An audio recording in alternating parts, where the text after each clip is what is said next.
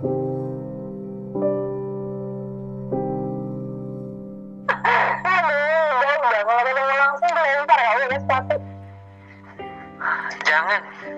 Dipeluk aja, dipeluk aja udah. Anjir. Halo buat teman-teman semuanya, kembali lagi di podcast di luar sekolah. Oke, kali ini gue bakal kedatangan teman yang kebetulan gue bertemu dan berkenalan di game Among Us. Buat teman-teman yang mungkin juga suka dengan Among Us ya, itu asik banget sih gamenya. Cuman ya kalian harus ekstra sabar, karena kadang kalian bisa dibunuh sama teman kalian sendiri, bahkan bisa difitnah sama teman kalian sendiri. Nah kebetulan gue udah tergabung sama tiga orang nih ya, spesial banget gitu karena gue kenal sama dia secara apa ya kayak nggak langsung gitu ya teman online gitu tapi game gitu dan ini lucu banget mereka tuh kayak kita saling akrab satu sama lain dan gue pengen podcast bareng mereka karena gue yakin mereka adalah orang-orang yang seru gitu. Dan sekarang gue udah tergabung sama mereka bertiga. Itu ada eh, Aisyah ada juga Putri dan udah Noval. Tapi dia pengen dipanggil Erik sebenarnya. Jadi sekarang gue udah gabung bersama mereka. Halo buat semuanya. Halo. Hai. gimana kabar kalian nih bertiga? Kabar hari ini Baik. Kalau sendiri gimana? Alhamdulillah lancar baik dan ya semoga ke depannya baik-baik saja buat Putri dan Aisyah gimana Gue baik, gue baik. Alhamdulillah. Hmm, oke lu ngomongnya nggak usah ngos-ngosan gitu dong. Oke, gue pengen ngobrol sama kalian bertiga nih ya mengenai tentang kita berkenalan di Among Us nih kan. Sedikit lucu ya kalau gue sama Putri eh sama Aisyah sorry. Gue sama Aisyah kenalnya di Instagram gitu. Tapi kalau gue kenal sama Uda Noval alias Erik sama Putri ini kenalnya di Among Us gitu. Kita bisa ceritain gak sih keseruan apa ketika kita berkenalan di Among Us? Coba dari kalian bertiga mungkin nih pengen cerita duluan. Sok monggo. Kan udah, udah, udah. Ya udah aku dulu deh. Kan ceritanya waktu itu kan kita main. Main terus eh, beberapa kali ulang ya si si Dewo ini dia Dewo apa Dewa sih? Dewa ya? iya Dewa ini Dewa ini dia kayak nuduh dia nuduh itu eh, aku impostor kan padahal ya udah ikutin ikutin gue buang sampah ikutin gue nge-scan aja eh taunya alhamdulillah dipercaya pakai alhamdulillah segala ya, intinya gitu deh sampai akhirnya sampai akhirnya aku minta ayo bikin bikin ini bikin eh, bikin grup eh, kita kita bisa ini kan bisa bisa voice call gitu mainnya kan ya kan ya udah dia dia ngasih ininya dia ngasih instagramnya aku coba dm dan ternyata dia cukup responsif oke Oke. Sedikit singkat dan padat ya dari Uda ya. Oke, dan Putri gimana Putri? Ketika kenal sama Mas Kres, ih gila Mas Kres dong. Iya, nama dia Mas Crush. Jadi waktu gue main, gue kan emang biasa dari dulu tuh kalau main game selalu solo ya. Terus Oke. eh, gue masuk ke room, tiba-tiba gue ketemu nih sama si Mas Crush ini. Karena gue nyari kan yang nama-namanya Indo gitu. Terus main, nah gue tuh sempet ngeliatin dia main, dia waktu itu di Among Us. Di bagian yang, apa sih, clear asteroid itu loh, yang tembak-tembakan. Oh iya tembak-tembakan, benar. Kan? Terus itu tuh kan ada visualnya ya kelihatan kan kalau misalnya bohongan sama benerannya. Iya benar-benar. nah iya gue lihat tuh dia eh, apa namanya dia tembak tembakan nah setelah dari itu pas banget ada yang mencet emergency call terus itu tuduh-tuduhan kan tuh mulai tuduh-tuduhan terus gue cuma bilang gue gue cuma percaya sama si mas crush ini doang nih soalnya gue tahu dia beneran uh, crewmate gara-gara itu. Oke. waktu itu roommate juga kan ya udah habis itu eh, main lagi main lagi. Habis itu gue sempet gue mati ya. Kita mulai ngobrol pas di chat yang mati bukan sih? Apa Iya benar-benar. pas udah- Pas mati, pas mati. Kita jadi kromet pas mati dibunuh. Kita ngobrol. iya benar habis itu gue eh, mati. Habis itu gue ngomong ngomong kan di, di- apa namanya di chat yang mati itu. Terus dia bilang kenapa lu percaya sama gue? Terus gue bilang kan iya soalnya gue lihat gitu terus abis itu udah tuh abis itu kan gue biasanya kalau misalnya udah nemu room gitu gue bakal terus terusan kan kecuali di situ ada cheater Oke. ya udah tuh terus terusan terus sama akhirnya terus ketemu juga nih sama si Dida ya nggak sih Dida bareng sama ini kan Iya bareng-bareng. Iya, iya. Kita bareng. ya benar habis itu ya udah eh, ketemu sama lu juga habis itu udah nawarin weekend room so ya ya aja gue ikutan nge-DM karena ya menurut gue akan lebih asik juga sih kalau bakal uh, apa sih namanya sambil voice call Oke. Dan lu kenapa percaya gitu sama kan gue ngasih Instagram gitu. Lu apakah emang langsung percaya sama gue "Oh ya ini Instagramnya beneran gitu? Karena si Uda ini malah nge-DM gue dengan akun fake accountnya gitu, fake account kan, eh, second accountnya gitu, ketimbang eh, akun aslinya, real account gitu. bukan fake account bukan fake account itu Iya. second account gua Ya gue tadi udah ralat, ya sorry sorry. kenapa ya kenapa karena first account gua itu gunanya buat orang-orang yang di real life doang Oke. Iya, oke. itu gitu sih alasannya Eh tapi sorry gue potong. Kita kan ngomongnya berempat nih ya. Aisyah ke mana ya? nah nah lu sendiri gimana kenal kenal sama Aisyah gimana Aisyah jadi kisah ini Mestinya berawal gue yang ditanya udah lu nanya ke gue ya jadi jadi kisah kisah lo yang berawal dari Instagram itu gimana ya nggak kayak tahu. kayak kayak lagunya lagunya itu ya ya ekspektasi itu ya Bukan bukan sih. Kayaknya gue langsung tanyain ke ini karena sama dah sama lu. Si Aisyah ini malah nge DM gue. Itu malah pakai akun second account ya, bukan real account ya. oke jadi gue jelasin ya Dew Oke boleh oke. ya Oke silakan. jadi gini kalau gue sebenarnya untuk Among Us itu sebenarnya media buat gue kenapa gue bilang media karena gue tuh eh, manfaatkan ini untuk kenal dewa lebih gitu. Sebenarnya gue berangkat dari ini loh apa sih? Sama kayak si Uda gue berangkat dari second account. Terus kemudian gue lihat tulisan dewa dewa Rizkullah itu gue tertarik sama tulisan dia. Gue beberapa kali awalnya ya gue cuman uh, berani untuk ngobrol tuh uh, di komentar-komentar setiap komentarnya dewa. Oke. cuman beberapa kali gue lihat uh, dia apa namanya live Instagram segala macam kok gue mulai kayak yang oh gila ini keren orang gitu. Terus gue karena gue orangnya bingung ya sebenarnya gue pengen ngobrol gitu tapi gue nggak tahu harus gimana. Terus dia ngebuka di Instagram waktu itu kalau yang mau main Among Us itu kayak join gitu kan kalau nggak salah ya dia Iya benar-benar lu di buka grup itu kan? Nah, kemudian gue join lah. Ketika join, itu dia udah banyak tuh temen-temennya sebelum-sebelumnya. Biasa anak baru kan, ya udahlah ikut aja. Terus lama kelamaan gue mulai kenal di situ. Oh, Dewa seperti ini. Jadi gue nggak ini nggak sih op nggak obses sih untuk Among Us-nya. Gue lebih kayak ke pengen tahu Dewa gitu. Nah benar. Karena gini, gue potong juga ya. Ketika gue telepon sama Putri, pas gue tahu Put eh Aisyah sorry, pas gue ngobrol sama Aisyah, malah gue tuh gue matiin Among Us-nya. Karena gue pengen ngobrol sama si Aisyah gitu. Dan yaudah, akhirnya singkat cerita kita sering ngobrol ngobrol lah gitu ya di telepon. Akhirnya yaudah, lo modus ya. Nggak di sini. berangkat dari fans gitu loh udah. Terus ya udah gue kenal Dewa ternyata orangnya begini banget gitu. Kaget juga sih gue lu sempet kaget gak sih? Kagak enggak ya? Kalau gue kaget. Oh gila nih orang begitu sih di luar ekspektasi gue tapi so far seru sih. Apalagi terus kemudian kan sebenarnya gue tuh belum main sama lu sebelumnya tuh gue ada sama Dila tuh Dila terus teman-temannya Dewa yang sebelumnya. Amal. terus kemarin kebetulan hari ini kan mabar tuh. Terus gue diceritain kalau main sama lu kemarin sempat sampai pagi kan 6 jam gitu. Iya, Gila, seru banget. Gue Makanya sama gua sama Putri tuh. Eh ternyata bener. Anaknya kayak begini. Apalagi Gini, gini. gue akhirnya pas pas kenalan ya dia kenalan di DM sama Noval sama Uda Uda Erik gue di DM terus eh, si Putri juga nge DM gue kira gue kasih Uda ini bikin eh, apa namanya grup di Instagram gitu. ya bikin grup di Instagram akhirnya gue bilang gitu lu masuk grup gue aja deh karena karena pada akhirnya gue bingung karena ketika gue main Among Us banyak tuh bocah-bocah yang gue nemuin kayak jangan fitnah gue lu bohong masuk neraka itu itu banyak banget sih tentang itu.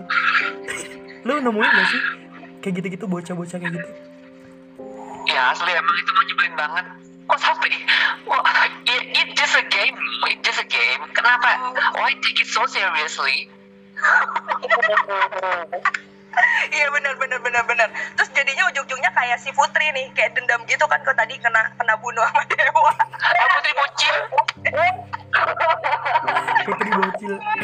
Udah sih oh Oke, jadi Oke, akhirnya oke. ketika gue ada kenal dan dia masuk grup, pada saat itu juga mal, eh, pagi ada ya kalau nggak salah ya, jam satuan gitu ya.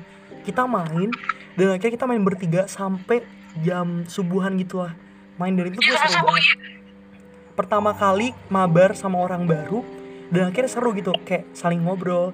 Pada akhirnya gue per- eh, membahas satu hal yang sedang hangat-hangatnya sih. Tapi sayangnya dari dua orang ini tidak mau angkat bicara gitu. Entah mungkin ya gitulah. Tapi balik lagi ke dalam Among Us sendiri oke.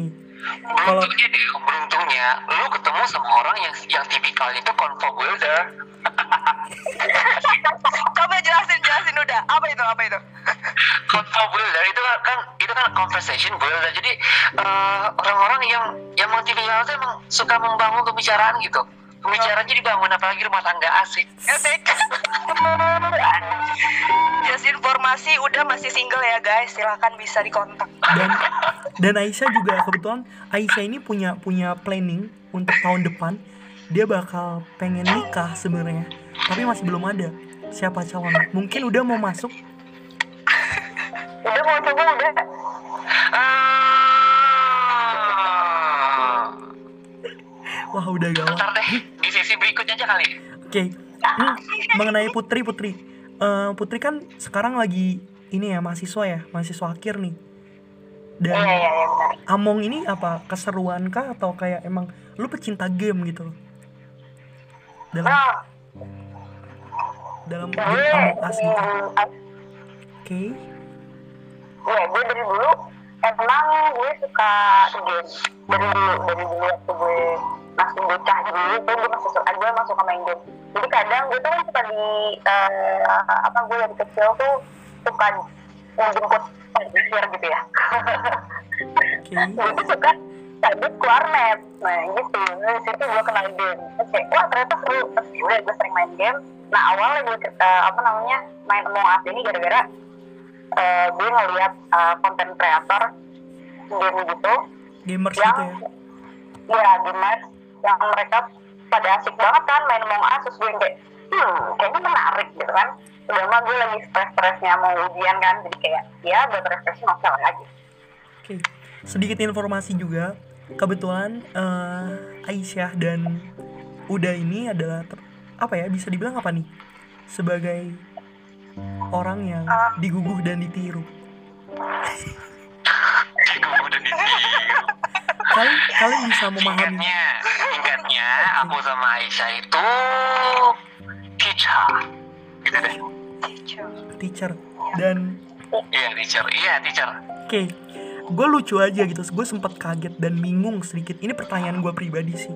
Kenapa seorang guru bermain Among Us yang Us. di mana itu saling fitnah dan saling kayak ngebunuh satu sama lain gitu antara pertemanan itu apakah emang lu segabut itu atau emang lu pengen nyobain hal-hal baru karena kan guru adalah diguguh dan ditiru gitu loh lu pengen menunjukkan ayo murid-muridku mari kita saling tuduh gitu saling memfitnah Gue udah nih pertanyaan apa. Gue jawab ya. oke oke Gue jawab ya. Nah jadi gini, sebenarnya gimana ya? Eh ya, basically guru kan juga manusia. oke oke Guru kan juga manusia. Kita bernafas, lo juga bernafas. Kita makan, lo juga makan. Kita boker, lo juga boker. Kok- Pokoknya segalanya deh. Termasuk penggunaan penggunaan gadget. Emang emang emang mungkin ya. Ini kan berangkat dari mindset kita kita aja masing masing-masing kali ya. Seorang guru mungkin bentukannya bajunya dimasukin, kumisnya rapi, rambutnya disisir. Kayaknya kayaknya kalau dibawa gue tuh nggak gue banget gitu loh. Nggak gue banget loh. Kita juga manusia kita juga main game online kita juga kita toxic juga gitu ya. aktif di sosial media kita juga ini itu. Nah balik lagi ke permainan Among itu yang mana? Permainannya itu eh, apa saling menuduh. Dan kemudian apa saling menuduh saling bunuh dan lain-lain lah kan. Karena karena dulu gue, juga suka main ini sih, main werewolf. Baik itu yang secara secara langsung yang pakai kartu sama ya, ataupun yang menggunakan eh, kayak telegram atau lain gitu kan. Gue gue juga suka main werewolf kan. Di situ di situ sebenarnya ah, ada hal yang bisa kita petik. Yang pertama retorika. Oke. Dari game itu kita bisa belajar retorika loh oke. Nah itu sih menurut gua karena karena gua gua gua hobi banget ber, berretorika itu. Di situlah kekuatan mainnya tuh di omongan di apa di ya cara ya gitulah saya tuduh menuduh gimana cara ngeyakinin orang. Iya, jadi si- sifat game itu lebih politis gitu. Nah menurut menurut Bu Guru Aisyah gimana? Waduh, Aisyah tuh? ya. langsung dilempar dong gue sempet kaget apakah dilempar ke gue gitu tapi apa akhirnya dilempar ke Aisyah gitu Bu guru Aisyah gue beruntung banget gue udah siapin Gimana? pertanyaan ini soalnya jawaban soalnya tapi dilempar ke Aisyah sekarang yang tidak siap untuk menjawab silakan Bu Aisyah Enggak, tadi gue denger kirain tuh dia udah selesai gitu loh, debut. Tapi ternyata dia langsung melempar ke gue. Gue lagi pakai body lagi kan nih. gak usah diomongin juga dong di sini Oke, tadi gimana? Tadi pertanyaannya gimana ya, Dew? Coba coba coba gimana pertanyaannya? udah kita skip simpelnya aja kenapa seorang guru main Among Us sudah nah iya itu pertanyaan yang gue berikan Jadi sebenarnya, even kalau gue pribadi itu benar gue sama kayak udah kurang lebih gue berangkat dari werewolf itu, gue suka permainan itu. Yang memang sebenarnya gue juga karena gue kan guru, jadi gue sering kalau istirahat tuh main sama anak-anak juga kan werewolf itu. Terus udah gitu, gue awalnya ditawarin deh eh, sama adik gue yang bontot. Dia bilang coba main deh mbak. Ada yang mirip-mirip gitu namanya Among Us. Bilang aduh masa seru sih? Iya seru. Cobain dulu. Nah gue awal main tuh kayak ribet gitu kan. Gak ngerti segala macam malah tuduh tuduh report segala macam. Cuma lama kelamaan oh kok seru juga gitu kan. Terus kemudian banyak lah mulai temen gitu kan. Ternyata mereka juga main Among Us gitu. Terus Dewa juga akhirnya main juga uh, sama temen-temennya. Makin banyak lagi lingkupannya. Terus akhirnya gini pada akhirnya ya karena gue tahu game ini Among Us ini kemarin gue sempet uh, ngajar masuk kelas kayak gitu kan di kelas 7 karena kan gue dulu SMP soalnya gue bahas sedikit nih deh terus Oke, udah siap, gitu siap.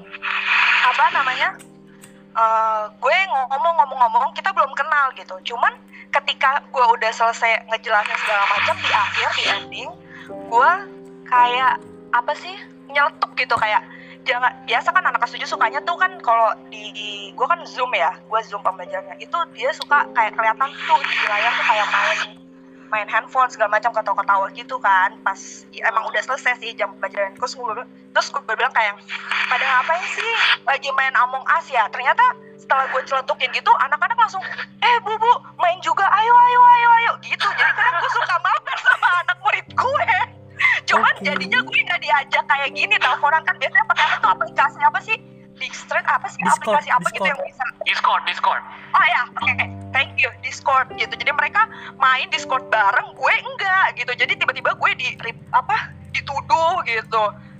Ya, so far terus entar anak-anak kayak, kaos lu DSP DSP gitu. Karena kan gue basic basicnya kan gue guru BK gitu kan. Gitu sih, tapi jadinya seru. Jadi kayak mempererat gitu loh. Bisa ada omongan dari situ. Anak-anak jadi lebih enjoy kayak gitu sih. Bu, dan Bu, SD aku dong apa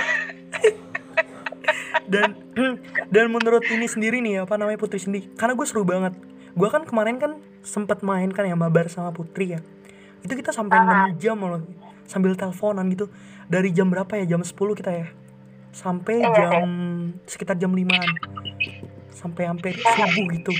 Gue gue main sama Putri itu sambil ngomong gitu.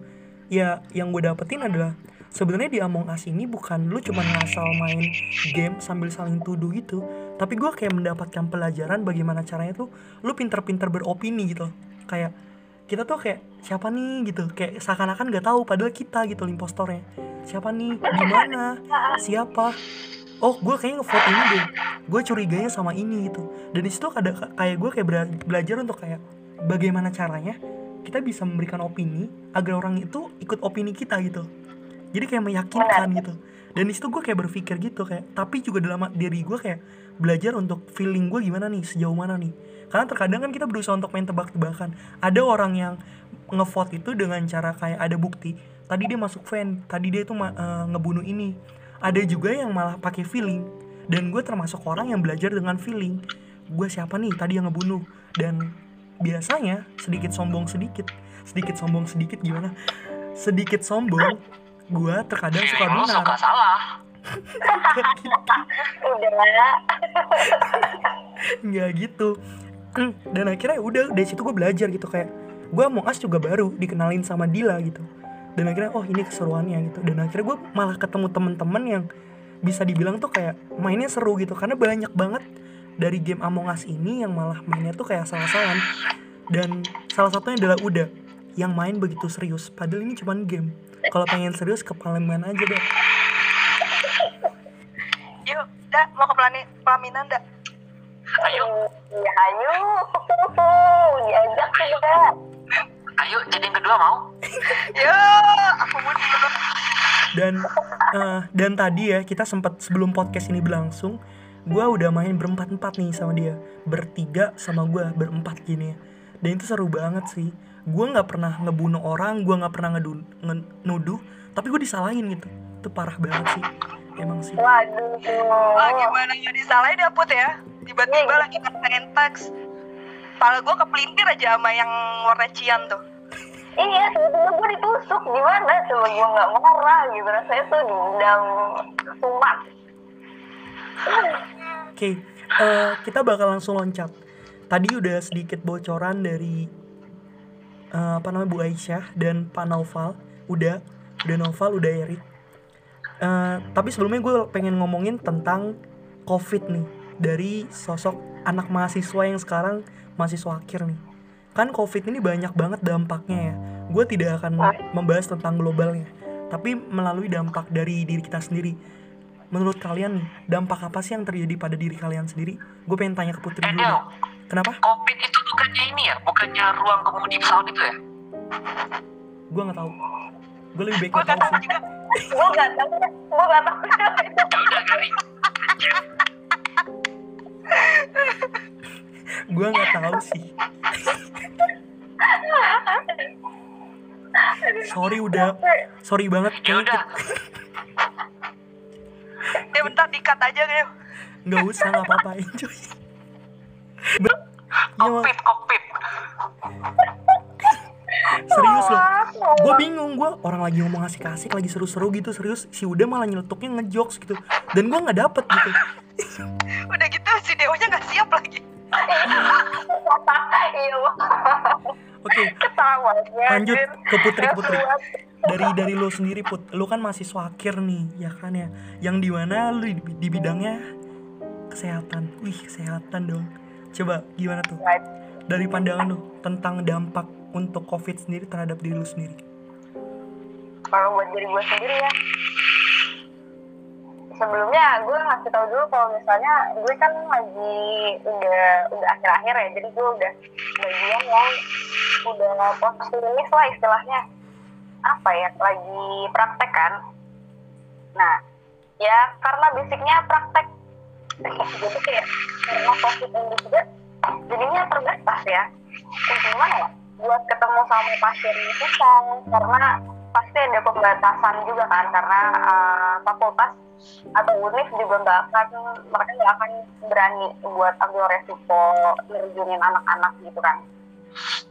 Oke. Terus jadi kayak lebih mundur aja sih kerjaan eh kerjaan kegiatan-kegiatan kita kayak ya gimana ya kalau misalnya yang kalau misalnya yang masih preklinis ya atau yang masih sarjana.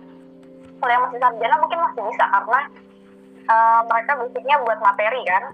Jadi kayak ya udah mungkin masih bisa kayak zoom atau apa gitu. Walaupun prakteknya susah juga sih mereka harus lab kayak gitu gitunya nggak nggak bisa jalan dengan baik juga. Tapi setidaknya jelas gitu bisa dilakukan sesuatu. Sedangkan kalau misalnya kayak kita yang lagi uh, apa namanya praktek susah. Karena harusnya kita ketemu sama pasien gitu kita periksa pasien kayak gitu gitu buat latihan feeling feeling pemeriksaan juga kan. Oke. Jadi susah nggak bisa ketemu. Ya udah jadinya mundur aja gitu. Makin lama gue lulusnya makin lama buat selesainya. Banyak gak sih Ya, kegagalan kegagalan kegagalan yang lu udah tulis nih? Maksudnya kayak lu pengen pengen tuju gitu. Akhirnya gagal gitu. 2020 kan bener-bener kayak nyiksa banget gitu. Kita baru bernapas sejenak tiba-tiba udah kembali dibuat sesak gitu. Dan gue rasa kayak banyak sih impian-impian yang tertunda akhirnya kayak oke lah ya, oke dah 2021 kita bakal coba lagi. Semoga 2021 lebih baik dari daripada 2020 ada nggak sih impian-impian gitu? Dan ada ada ada banyak sih. Terutama ini target lulus karena maksudnya ya seperti yang semua orang tahu kedokteran kan lama ya lama banget buat sekolahnya. Maksudnya benar-benar lulus dan bebas bisa praktek sendiri tuh lama jadi kayak mundur aja gitu semuanya kayak kapan gue mau uh, apa kapan gue mau ngerjain ini itu terus kayak gue mau punya ini itu juga susah karena gue kan pengen ya pengen pakai penghasilan sendiri kan buat buat beli ini itu segala macam lah Oke. itu susah gitu jadi kayak ya mundur semua kayak yang lain hidup gue mundur semua Oke. Dan Terus dari meningkat. Oke, dari Pak Noval, udah Noval, udah Erik, gimana nih? Lu kan eh, basicnya guru ya, dan di mana kayak lu merasa berbeda nggak sih untuk saat ini kayak COVID ini lu nggak bisa ngajar secara langsung gitu, tatap muka, kayak berinteraksi dengan langsung, tanya jawab atau gimana? Tapi lu malah kayak langsung, tadi lu sempat bilang kan, dalam pelajaran lu malah bukan ke Zoom malah, tapi melalui WhatsApp gitu. Karena banyak dari mereka siswa-siswa yang merasa kayak terbebani oleh teori-teori dan tugas-tugas yang menumpuk. Padahal sebenarnya gimana tuh dari pandangan lu sendiri? Kan lu seorang Oke, guru. gue jawab ya. Oke. Nah, jadi gini. Gua ngajar di salah satu sekolah tingkat menengah, tingkat menengah pertama atau SMP gitu kan. Dan kebetulan gue juga wali kelas dan gua ngajarin di kelas 7. Nah, dan keadaan ekonomi rata-rata siswa gua tuh bisa di, bisa dibilang menengah lah. Jadi kalau misalnya kita pakai Zoom, kalau kita pakai apa? Kalau misalnya kita ngasih materi berupa video, kendalanya itu di pakai data pakai data nah uh, kan sama-sama kita sama-sama kita tahu kalau pakai zoom itu kalau kalau pakai nge-share video materi itu kan uh, itu kan ini ya gede makan ininya makan kuotanya kan gede jadi ya terpaksa lah gue cuma ngasih materi lewat WhatsApp grup yang mana? Grup WhatsApp itu dikondisiin kayak seolah-olah anggap ini kelas jadi gue di sana ngasih materi kadang gue ngasih materinya berupa voice notes kadang eh, apa? Kadang eh, bagaimana ya? Kayak penggambaran atau garis-garis besar dari materi yang gue kasih. Ntar bag- beberapa bagian dari materi itu gue kosongin alias gue titik-titikin biar mereka itu beneran ngebaca buku gitu. Ya dari pelajaran gue sendiri pun itu mat- materinya itu eh, apa pelajaran gue itu eh, teks textbook semua. Jadi kalau siswanya nggak baca kalau siswanya nggak mau menganalisa ya mereka insya Allah nggak bakalan dapet. Jadi gitu sih. Oke, tapi mm, lu beranggap pernah berpikir nggak sih kalau murid-murid lu bakal terbebani atau kayak hal apa pun gitu. Karena kan lu juga berpikir nih terkadang guru kan mengasih tugas kayak berpikir ini bakal berat nggak sih ya? Atau apa? Lu memikirkan itu nggak sih untuk murid-murid lu? Jadi gini eh gue kalau ngasih materi itu nggak sekedar nggak sekedar lempar tugas terus eh, ngerjain kerja lain enggak. Gue ngebimbing gitu. Gue ngebimbing ya meskipun cuma lewat chat cuma lewat voice notes tapi gue gue tetap lakuin semaksimal gue tetap gue lakuin tetap gue lakuin semaksimal gue dan sebisa gue gitu. Nah kalau kalau mereka terbebani kalau mereka mereka ter apa eh, ya merasa berat lah dengan dengan apa yang mereka alami saat ini ya. Tugas-tugas yang mau nggak mau suka nggak suka kan emang kenyataannya emang kayak gitu saat ini. Iya benar-benar harus menerima Ah. berarti ya. Ya mau nggak mau suka nggak suka ya. Jalannya Emang- aja udah dan dan gue pun nekanin sama anak eh, sama siswa gue kan. Kalian an- eh, kalian kalau kalau apa kalau secara langsung di sekolah oke lah. Ada bapak sama ibu ada bapak sama ibu ibu gurunya yang bakal ngingetin terus tolong perhatiin papan tulisnya. Tolong eh, baca bukunya. Ada guru yang selalu ngingetin. Tapi kalau secara daring ini gimana loh? Siapa yang bakal ngingetin gitu? Jadi yang gue tekankan itu kesadaran kalian itu yang harus jadi poin utama. Kesadaran gitu sih. masing-masing ya. Kesad- kesadaran siswa itu yang harus jadi poin utamanya yang harus yang harus ada gitu. Kalau nggak kalau siswa kalau siswa nggak punya kesadaran ya udah mati aja loh oke itu dari dari udah sendiri ya. Kenapa? Tadi ada yang mau nanya tuh. Gue boleh nanya nggak? Gue boleh nanya. Oh silakan silakan langsung. Boleh boleh Eh, apa namanya kan ber- eh, berarti kan kalian basicnya juga ngasih tugas ya eh, kayak setiap setiap uh, mat matkul kan jenis setiap mata pelajaran pasti kalian ngasih tugas kan ya? Apa selalu, nggak selalu, nggak selalu, nggak selalu. Nggak selalu. Tapi kalau misalnya kalian ngasih tugas, kalian mendampingi nggak sih? Uh, tetap dampingi, tetap dampingi, tetap di ini, tetap di dikontrol. Yang sudah selesai, yang ya sudah sampai sudah sudah selesai, silakan dikumpul ke ini, ke di, silakan difotokan tugasnya, dikumpul, dikumpul melalui chat pribadi ke saya gitu. Atau uh, ada anak uh, ada kendala gitu, ada kendalanya uh, dalam tugasnya, ada yang nggak mengerti, silakan tanyain gitu. Paling kontrolnya cuma gitu doang Oh iya, berarti kalau misalnya kayak pas lagi mereka ngerjain tugas terus mereka bingung, mereka bisa nanya sama sama. Tetap bisa nanya, tetap bisa nanya. Oke, berarti emang lu udah tetap bisa nanya. bertanggung jawab atas tugas yang lu berikan gitu ya? Karena sangat bertanggung jawab, gue sangat bertanggung jawab. Tapi kalau siswanya nggak bertanggung jawab, ya udah terserah kalian. Oke, berarti lu kembalikan lagi kepada siswanya itu sendiri itu ya? Bagaimana caranya dia harus kayak Iya, berarti lu mengembalikan lagi kepada siswanya itu. Lu ngasih Tetap tugas dan sama kayak... siswa dan orang tuanya. Oke. Okay.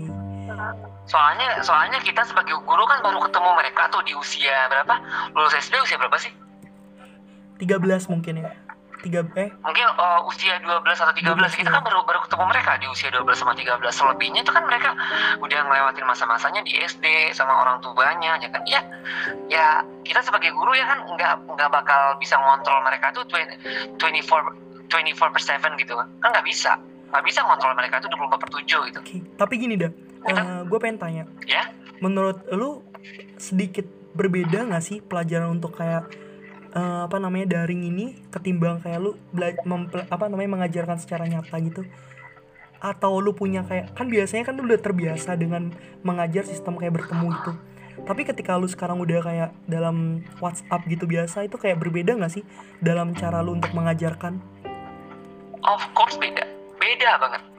Lu bener-bener ubah semuanya gitu ya kayak kegiatan-kegiatan ya, selama kayak okay. biasa kita ya biasa kita berdiri di depan kelas kita jadi pusat perhatian semua mata tertuju padamu kan biasa kan gitu biasa kan gitu tapi sekarang malah beda gitu oke okay.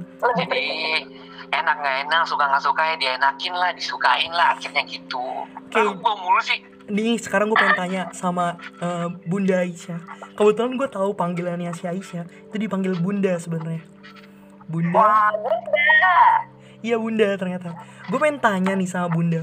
Ini mengenai bimbingan konseling. Kan ini tentang covid ya, tentang juga kita belajar daring gitu ya. Gue pengen tanya gitu, dampak hal yang lo alami selama pembelajaran ini kan lu kan sebenarnya kan bimbingan konseling kan bertemu. Bagaimana kayak lu mengamati dia, dia bercerita, lu kayak memahami. Tapi di sini lu kayak ada nggak sih kayak masih sempat orang-orang pada cerita gitu kayak pengen konseling sama lu? Itu berbeda atau gimana? Atau lu kayak siap untuk kayak di calling kapan pun dalam WhatsApp gitu kayak chatting atau segala macam gimana? Uh, jadi kalau untuk bimbingan konseling jadi gini loh sebenarnya gue cerita dulu. Di gue itu gue sama sama udah SMP jadi kalau untuk bimbingan konseling di tempat gue itu dia pertama nggak ada kelas awalnya. Awalnya nggak ada kelas karena bentuknya cuma layanan. Artinya apa? Bagi setiap anak yang memang membutuhkan konseling itu bisa menghubungi gue atau gue menghubungi uh, menghubungi anak-anak itu. Tapi kendalanya adalah ketika uh, gue nggak masuk kelas itu gue nggak tahu tuh apa yang terjadi uh, pada perkembangan setiap levelnya. Misalkan 7, kelas 8, kelas 9 itu kan beda-beda. Otomatis uh, gue di situ mengajukan untuk masuk kelas gitu. Apalagi untuk kelas 7 ya. Kalau kelas 7 itu kan masuk aja udah nggak tatap muka. Gue mau kenal gimana? Gue mau konseling gimana? Gue nggak punya data. Otomatis gue harus masuk kelas gitu kan. Karena pasti ada instrumen dari BK yang akan disebar untuk mengetahui uh, anak itu seperti apa gitu. Nah kemudian untuk uh, bimbingan konseling sebenarnya gini ya sebenarnya ada plus minusnya sih. Even kalau misalkan ketemu tatap langsung itu biasanya anak lebih defense. Jadi lebih mereka itu kalau misalkan gua konseling mereka ada perasaan takut. Terus belum lagi kalau misalkan sama temen-temennya kayak yang itu dipanggil Boysa, lo kenapa lo kenapa? Ayo masuk BK masuk BK lo kenapa? Kayak gitu. Itu Ya. dari situ aja tuh cara psikis anak udah udah defense tuh. Pas Oke. mungkin mau jalan menuju ruangan BK kayak yang aduh gue mau ditanya apa? Kayak gitu. Tapi gue eh, selama daring ini lebih kayak kok enak konselingnya untuk anak yang sama ya untuk anak yang sama yang gue biasa Hmm. konseling. Mereka tuh lebih bisa terbuka gitu. Gue nggak tahu juga kenapa bisa kayak gitu. Terus kita bisa ngobrol tuh berjam-jam apa aja tuh bisa kita obrolin mereka lebih open.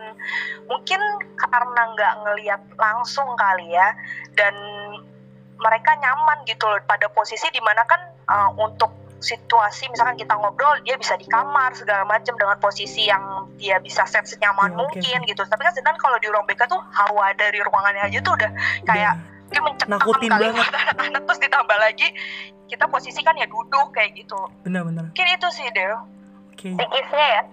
Iya lebih ke psikisnya buat tapi itu sih yang tahu. tapi berarti emang lu eh, menyiapkan waktu lu untuk mereka gitu ya? Untuk konseling apa pun?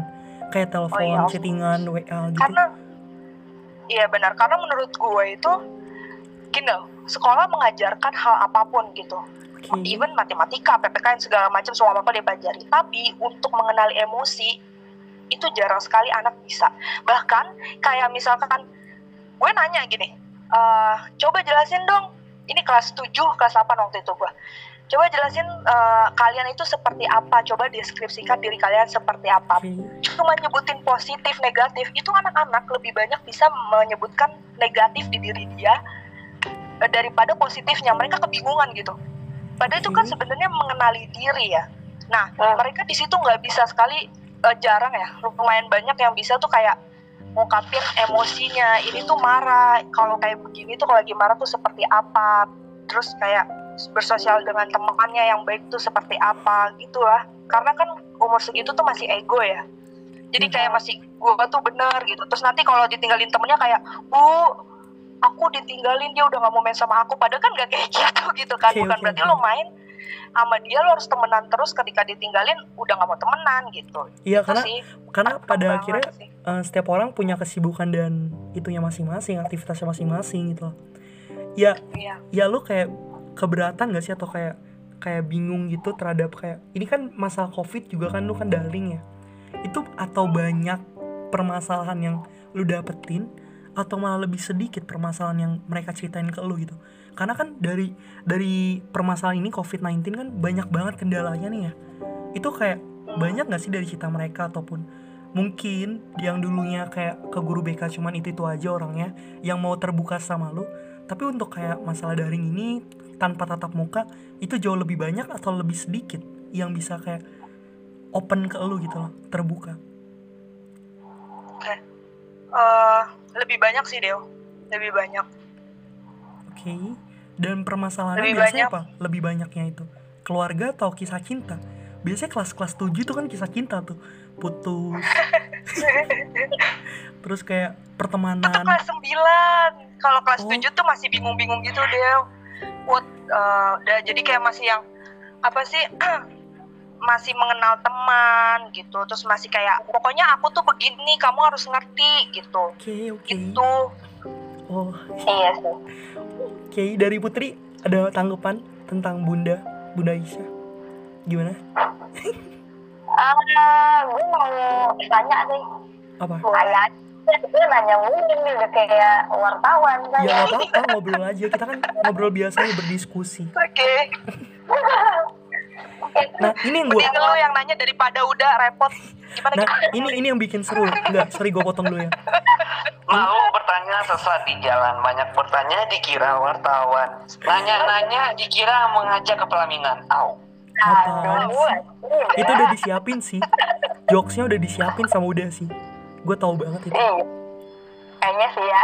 ketara banget Eh, soalnya gue mau nanya. oke silakan Ya, gimana, bebas kita ini bukan Ya anggota DPR nanya. kok bebas bebas berpendapat bebas bertanya Jadi eh, jujur nih, jujur gue sebagai eh, dari anak apa namanya kedokteran, gue tuh tertarik jiwa sebenarnya. gue tertarik sama jiwa kesehatan jiwa ya I mean menurut gue menurut gue tuh eh, apa namanya guru BK tuh penting sih penting banget jadi kayak Hmm. eh, gue mau tanya apa sih namanya biasanya kalau misalnya kayak di BK gitu apalagi kali ya apalagi apa namanya SMP itu ya apa namanya di SMP Hmm. Iya gue udah SMP. masih masih tahap pubertas banget kan Iya betul. Program apa sih? Maksudnya kayak kalau misalnya di SMP gitu yang bisa apa ya istilahnya buat ngebantu mereka ngebangun emosi sih lebih tepatnya. Bener kayak kayak yang tadi lo bilang gitu gak apa sih namanya mereka tuh masih nggak tahu nyebutin positifnya mereka apa. Terus kayak buat apa ya banyak juga nggak sih yang mereka mungkin susah buat ngeluarin emosi mereka. Kayak misalnya mungkin mereka marah mereka kesel tuh mereka bingung mereka harus apa gitu Ya Oke, sih? jadi oke. Jadi lu nanya programnya ya? Nanya iya program. gimana lo harus lo melakukan itu dengan apa gitu Gile, nanya program udah kayak pengawas aja. Gimana ini udah aku ditanya program bimbingan Udah kayak pengawas konseling. aja ini. Gila, nanya Aduh. program. Aduh. Administrasi gue gak rebes lagi. eh. Permisi, permisi mbak, ibu-ibu, mbak-mbak, saya mau bersihin dulu ya. Oke. Jadi kalau untuk program jadi sebenarnya ini gue agak sedikit masuk ke program program BK ya karena ini oke. eh, terkait gitu. Jadi kalau untuk program BK sendiri, dia biasanya gini, kita lihat misalkan satu angkatan 789 itu biasanya gue ada kayak seminar atau penyuluhan kayak gitu. Jadi tapi nanti dilihat apakah eh, eh, biasanya tuh untuk kasus apa di eh, di level eh, di level berbeda itu kasus tertingginya tuh apa gitu misalkan. Kayak eh, kelas 7 biasanya gue ada seminar kayak reproduksi itu kan penting banget tuh untuk di awal-awal kan. Kayak dia Bener. mengenal. Bener kan? Benar. Kayak gitu. Jadi bagian-bagian mana yang harus dijaga ini nggak boleh segala macam.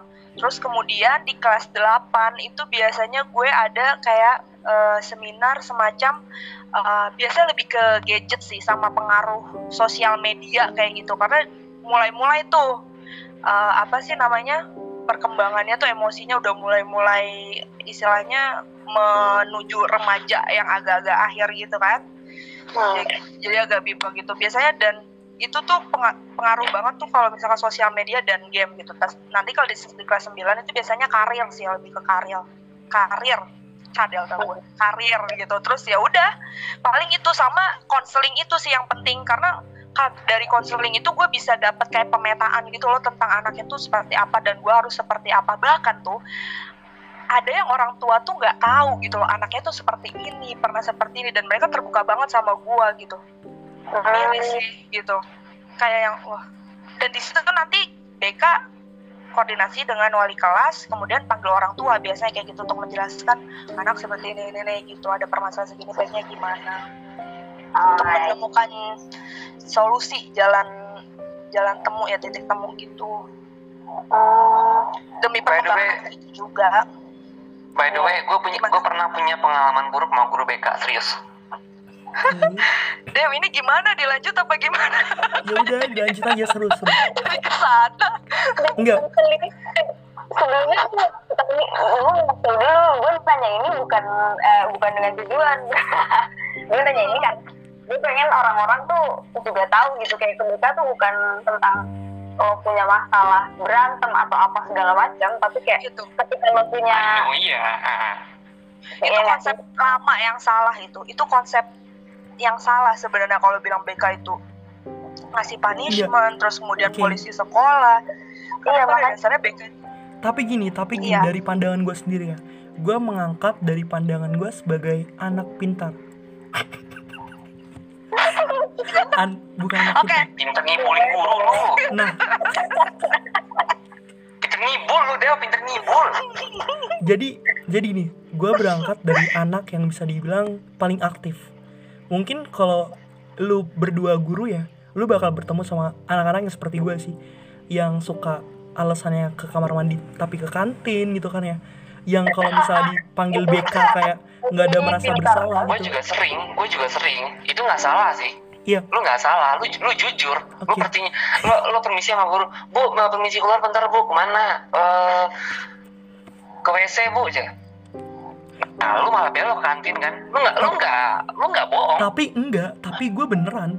Kalau gue pernah menjadi orang yang tidak begitu peduli terhadap guru yang gue anggap adalah guru-guru yang kan banyak tuh guru-guru yang dianggap kayak ah gue nggak sih sama guru ini. Gue banyak sering kali ngelakuin kayak bu saya nggak malas malas ikut pelajaran ibu saya keluar ya. Gue keluar gitu. Gue seberani itu sama guru gitu. Maksudnya kayak gue pernah berantem sama guru ini jangan ditiru ya. Maksudnya kayak eh, bahkan tuh gue kalau masuk BK tuh suka dibilang kayak gini gue cuman ngambil buku gitu buku untuk pelajaran BK di kelas gue itu guru-guru di BK tuh pada nanya kenapa lagi? Dewa lagi dewa lagi. Itu saking seringnya gue di sana padahal gue nggak ada masalah gitu. Dan itu bener kata tadi Bu Aisyah bilang gitu ketika ada anak-anak yang dipanggil BK itu anak-anak terlalu memikirkan kayak anjir gue salah apa ya eh gue mau diapain? Anjir gue gimana nih? Padahal gue ngelakuin apa-apa. Padahal cuman di BK tuh lu bukan cuman kayak ditanyain sebagai polisi gitu kayak ya lu harus kayak memahami gitu gitu. Maksud gue kayak banyak orang yang masih ketakutan karena masih ada guru BK yang salah dalam mengajarkan. Sorry nih ya gue kayak berbanding terbalik nih sama Aisyah nih. Mungkin kelanjutannya bakal gue lanjut ke podcast berdua bareng Aisyah.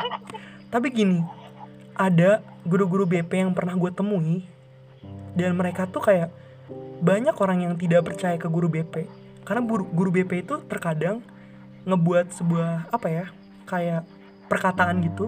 Misalnya gue ada masalah dan gue sebelumnya pernah kayak ditanya sama guru BP satu gini. Nah ketika guru BP tahu tentang permasalahan gue terkadang tuh pas ada masalah kasus apa itu pasti ada celetuk gini iyalah pantesan dia kan anaknya seperti ini iya dia kan seperti ini. Dalam ini seperti ini gitu. Itu pasti masih ada gitu loh. Guru BP yang seperti itu masih ada gitu. Dan gue gimana ya dalam menanggapi guru BP seperti itu ya? Kayak gue sih kayak kurang belajar aja ya memahami siswa. Terkadang tuh apa ya kayak punya dendam pribadi gitu loh untuk guru guru BP sendiri. Gue ngomong apaan sih makanya tadi makanya tadi gue bilang gue punya pengalaman buruk sama guru BP sama guru BK Waduh. Eh, ini kenapa? Kenapa kayak ngidang Aisyah gini ayo kita sidang. Bukan Aduh. karena kita punya dendam pribadi nih atas guru-guru BP nih biasanya iya kita punya dendam pribadi sama guru BK kayaknya. Gue juga sebenarnya, gue juga punya dendam pribadi sama lah guru lah, BK sebenarnya. guru BP kok ngomongin guru BP Makanya dari situ gue tidak menjadi seperti guru BK yang mereka tidak suka gitu. Karena gue berangkat berangkat dari sebenarnya gue berangkat dari anak yang dulu sekolah pun gue bukan anak yang lurus-lurus banget. Gue telat, gue tahu liciknya anak-anak, gue tahu gimana pinternya anak-anak bukan licik ya sorry kasar. Maksudnya mereka cerdas gitu. cerdas dalam Dan artian gue selalu nggak setuju kalau misalkan kayak yang guru-guru bilang, ini anak bandel, ini anak kayak Eh, maksudnya kayak nggak pintar segala macam gue berusaha mungkin seberusaha mungkin untuk tidak melabeling karena anak kalau udah di labeling tanpa sadar dia mungkin enggak enggak tapi itu kebawa di alam bawah sadar Bener, dia bener. kayak yang mungkin ada satu kasus ini gue cerita boleh ya dia gimana aja oke silakan nggak Oke apa-apa nggak? Oke. Jadi gue ada satu satu anak. Dia itu kelihatannya sangat kuat secara mental gitu. Eh, kenapa gue bisa bilang gitu? Karena setiap guru yang ngomong ke dia, "Ka- kamu tuh males gini-gini, kamu tuh bandel, kamu tuh bla bla segala macam. Dia nanggapinnya dengan eh, bahasa tubuh yang bisa gue bilang slow gitu. Kalau bahasa sekarang tuh santai santuy sans gitu ya sans jadi kayak yang oh iya oh terus di, bahkan pernah waktu itu guru gue udah izin sih kayak mau mukul gitu tapi minta maaf gitu karena kalau anak zaman sekarang kan nggak bisa banget tuh dipukul Nah, tanpa maaf gitu kan. Itu mungkin kalau udah sakit emosi dipukul dia kayak yang nggak masalah juga gitu buat dia. Berarti kan secara mental kuat gitu. Tapi setelah gue ngobrol sama dia gue pernah bilang kayak gini kamu tuh bisa nak. Gue kasih apa ya kata-kata tuh atau masukan input-input ke dia tuh yang positif. Tapi tiba-tiba dia bilang gini enggak lah saya kan bandel. Saya kan nakal. Saya kan Hmm, nggak bisa. Saya kan males labeling itu makanya bahaya banget. Makanya gue selalu selalu kayak yang oh nih anak sebenarnya kuat tapi ternyata dia menyerap gitu. Berarti kayak Jadi- terbawa dengan apa yang diucapkan sama Iya. orang-orang itu gitu ya? Sekitarnya sekitarnya. Dan dia tanpa sadar meyakini itu.